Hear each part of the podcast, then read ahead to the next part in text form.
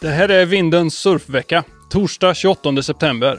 I veckans avsnitt, vassa twinfins, snabba longboards och en riktigt mjuk tävling. Men vi börjar här på hemmaplan, för efter en ganska kass augusti så steppade andra halvan av september upp rejält. Först en tredagars rivstart från sydväst i förra veckan, följt av en dubbelmacka med lagom mycket ost i början av denna veckan.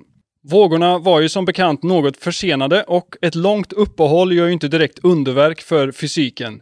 Här ser vi en röntgenbild på mina leder tagen strax innan jag paddlade ut första dagen.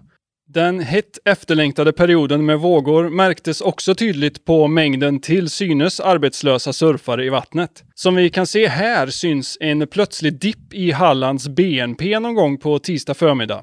Kurvan återhämtade sig inte förrän fram på torsdag kväll någon gång.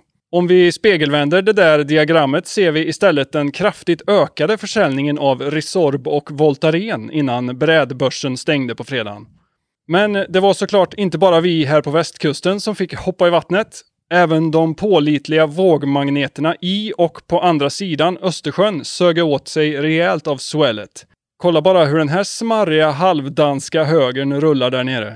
Eller varför inte de här krutigt kokande polska vänstrarna? En bra start på hösten, helt klart. Mer är på väg in. Mer om det lite senare i programmet när vi kollar in prognosen. Men först, från surf i havet till surf i telefonen. Det har blivit dags att kolla in veckans vågor. Jag har paddlat runt tills tummarna tröttnade i jakt på apparnas bästa surf och det här är vad som piggade upp den här veckan. På veckans tredje plats hittar vi den här filmen på när världsmästaren surfar utan matchtröja. Filip Toledo zigzackar in från bakom piken och hinner med två fullfartssvängar och en full rotation. Ja, eller som han kallar det, uppvärmning. På andra plats, apropå fart, har vi den här studien i hur fort det är möjligt att surfa en longboard utan att spåra ur. Väldigt fort om du frågar Harrison Roach som först undkommer en halshuggning och sen måste sakta ner för att hinna fram till nosen. Fart är gött på lång och kort bräda, men veckans etta är faktiskt riktigt slö. För kolla in den här semestervänstern som Christy Murphy seglar in på, någonstans mellan Kokosnötistan och södra Solskensöarna. Jag hade också vägrat att kliva av den där åkturen innan fenan slog i sanden. Vi har en bubblare också. Det är den här demonstrationen från Shohei Kato på hur jag bäst borde förbereda mig för nästa ankommande swell. Från korta klipp på höjden till långa klipp på bredden. Det här är veckans video. Surfrullen jag fastnar framför den här veckan heter Carillon och kommer från brädkonstnärerna på Album som låter sin twinfin-virtuos Asher Pacey demonstrera alla sina tricks. Pacey tar på sig fingervantarna och tar en uppfriskande tur längs de krispiga väggarna ut med Victorias kustväg. Kolla in filmen via länken här nere. Om du vill se ännu mer från Pacey kan jag tipsa om klippet med det talande namnet Asher Pacey riding a quad setup at Durham Bar. Ett starkt bevis på att just en quad setup verkligen går att svänga tvärt. Kanske beror mest på att han placerar bakfoten bakom brädan, men ändå. Okej, okay, från film till musik. Det har blivit dags för veckans vax. Ljudvågorna som har fyllt min bubbla den här veckan kommer från den här. Firefalls självbetitlade debutalbum från 1976. Om du är på väg ut för en surf och känner dig lite osäker på om du ens kommer få några bra vågor, då kan du sluta oroa dig och sätta på första låten på den här skivan istället. Den heter It Doesn't Matter och den går så här.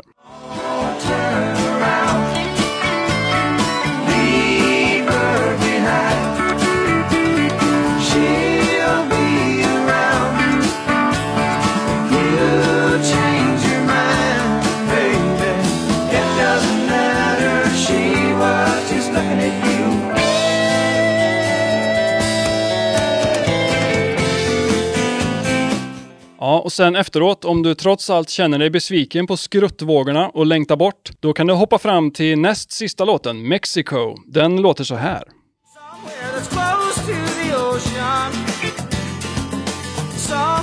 sun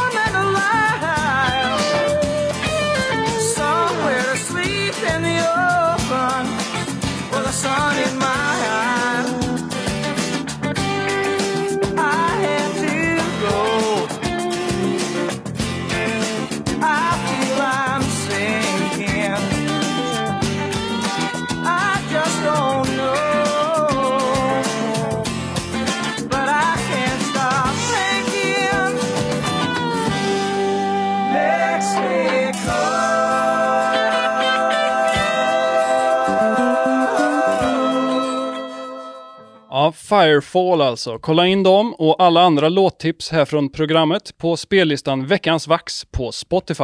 Okej, det har blivit dags att se vad som har hänt i surfsportens värld.